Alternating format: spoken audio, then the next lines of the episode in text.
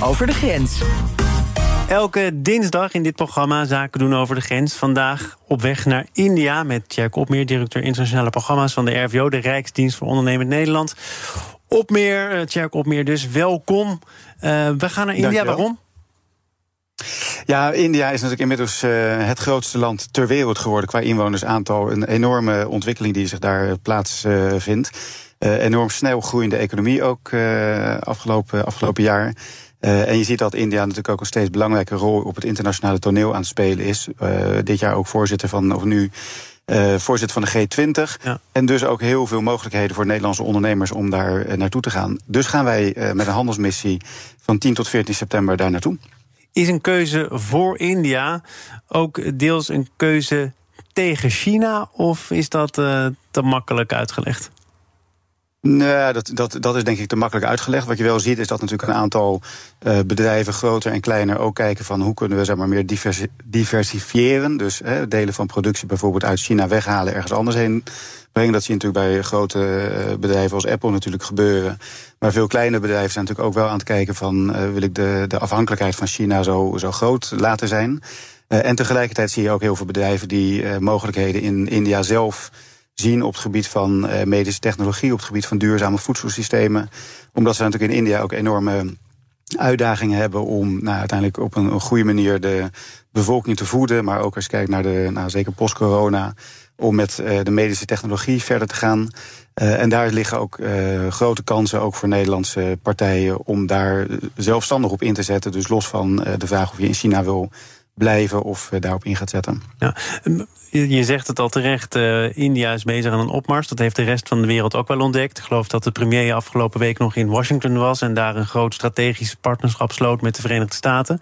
Ja, is Nederland ook voor India wel echt interessant? Of uh, kunnen ze het overal en nergens vandaan halen op dit moment? Uh, ja, natuurlijk zijn er heel veel verschillende inter interessante partners voor, voor India. Maar ook naar Nederland wordt wel gekeken. Als je kijkt naar natuurlijk Nederland op het gebied van, van de voedselproductie, uh, toonaangevend. qua ook efficiëntie, qua manier waarop we dat ook op een duurzame manier kunnen doen. Dus daar wordt ook echt naar Nederland gekeken om, om op samen te werken. En datzelfde geldt denk ik ook voor, voor de medische technologie. We hebben daar natuurlijk behoorlijk wat kennis en kunde in Nederland beschikbaar. En daar kijken ze in India ook nou, ik zou bijna zeggen, rijkhalzend naar. Uh, om daar die samenwerking uh, te zoeken. Zeker omdat er natuurlijk uiteindelijk gewoon in zo'n groot land zoveel nodig is. dus we kijken op heel veel verschillende manieren naar verschillende landen, waaronder ook Nederland, om die nou, zeg maar, om die, die zakenkansen te vinden, maar ook uh, om gezamenlijk die uh, nou, duurzame oplossingen te vinden. En dan is er dus ook nog altijd uh, de klassieke belangrijke poot van de landbouw in Nederland. Ik geloof dat er al een flinke samenwerking opgezet is, toch? De Horti Road to India. Ja, klopt. We hebben een hele mooie, wat we noemen, partner voor international business. Een publiek-private samenwerking met een aantal Nederlandse bedrijven. die samenwerken ook met de overheid om in India met Indiaanse partners en bedrijven te kijken hoe kunnen ze op het gebied van uh, ja, zeg maar die horticultuur uh, samenwerking verder brengen. Uh, zodat we in ook die opkomende voedselmarkten, ook in grote steden, kunnen kijken van nou, hoe kan je ook op een duurzame productie schoon, pesticidenvrij voedsel maken. en daar zitten ook bijvoorbeeld zaden, zadenbedrijven in, maar ook op het gebied van klimaatcontrole van kassen. duurzame energie, maar ook hoe ga je zeg maar, om met je zeg maar, je, het controleren van je gewassen. Dus daar zie je dat een, eh, een, een flink aantal Nederlandse bedrijven ook uh, nou, kennis en kunde bij elkaar brengen. Om echt als een consortium gezamenlijk te kijken hoe kunnen we dat ook uh, in India verder brengen. En daar hebben we een hele goede samenwerking met de Dutch Greenhouse Delta Innovation Quarter, die daarin samen met Rotterdam Partners ook partner in zijn.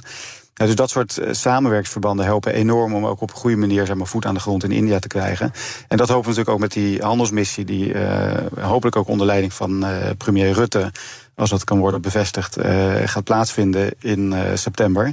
Oh, dat, dat, dat is toch niet bevestigd omdat die man nu eenmaal een drukke agenda heeft? Of uh, hangt het ook maar net af van of het past? Of, nou, hij, het voornemen is dat hij uh, de missie ook gaat begeleiden. Maar we wachten natuurlijk uiteindelijk wel ook uh, op het laatste moment de officiële bevestiging van de Indiase counterparts uh, af. Dus dat blijft altijd een beetje in de lucht hangen. Maar we gaan ervan uit dat hij, dat hij er zal zijn. Ja, nee, je hebt het nu op de radio ook al gezegd, hè, dan kan je moeilijk meer terug. Dan moet hij mee. Ja, precies. Ja, maar of ik zoveel impact op zijn agenda heb, dat, dat weet ik niet. Maar in principe is de gedachte, en hij heeft ook toegezegd dat hij, dat hij mee zou gaan. dus ondernemers kunnen zich daarvoor 3 juli aanstaande nog voor, voor aanmelden. Uh, en dan natuurlijk heel uh, mooi in India de verschillende partners uh, ontmoeten, kennis maken met de mogelijkheden die er daar zijn. Het netwerk in kaart brengen. En daar helpen wij natuurlijk vanuit RVO en het ambassadenetwerk ook heel graag bij. dus dat wordt een, hopelijk weer een hele mooie missie. Premier mee als het even mee zit en ondernemers mee.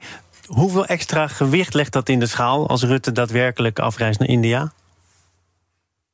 Nou, wat je, wat, je, wat je merkt is dat uiteindelijk natuurlijk als, als de premier ook meegaat, en dat geldt ook voor ministers, dat dan uiteindelijk het gewicht wat je meeneemt, uh, helpt heel erg om de counterparts uh, dan ook uh, tegenover je te krijgen. Dus dan gaan uiteindelijk toch op een andere manier weer deuren open. Vaak komen dan ook weer andere bedrijven die besluiten van oh, als de, de premier van Nederland komt en dus ook een, een, een hoge counterpart uit India, dan, dan levert dat toch uiteindelijk ook, ook meerwaarde op.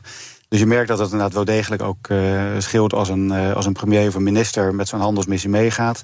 Krijgt toch een ander gewicht, ook andere aandacht in de, in de media. Uh, dus dat helpt, dat helpt altijd toch wel heel erg om nou, ook, ook dit soort missies goed te doen. Met ministers die zo'n missie begeleiden. In dit geval zou Ingrid Thijssen van VNO-NCW ook, ook meegaan. Dat helpt natuurlijk ook heel erg om, om ook aan de, de businesskant, zeg maar, de, de counterparts in India ook te verleiden om te komen. Dus op die manier, en zeker in zo'n groot land als India, helpt dat natuurlijk ook uh, extra. We proberen natuurlijk toch dat uh, zo'n missie ook een, uh, een extra cachet te geven, zodat het ook aan beide kanten heel erg gewaardeerd wordt. Tjerk Opmeer, directeur internationale programma's van de RVO, dankjewel. Zaken doen over de grens wordt mede mogelijk gemaakt door Bluebiz. Het loyaliteitsprogramma voor zakelijk reizen van KLM en partners.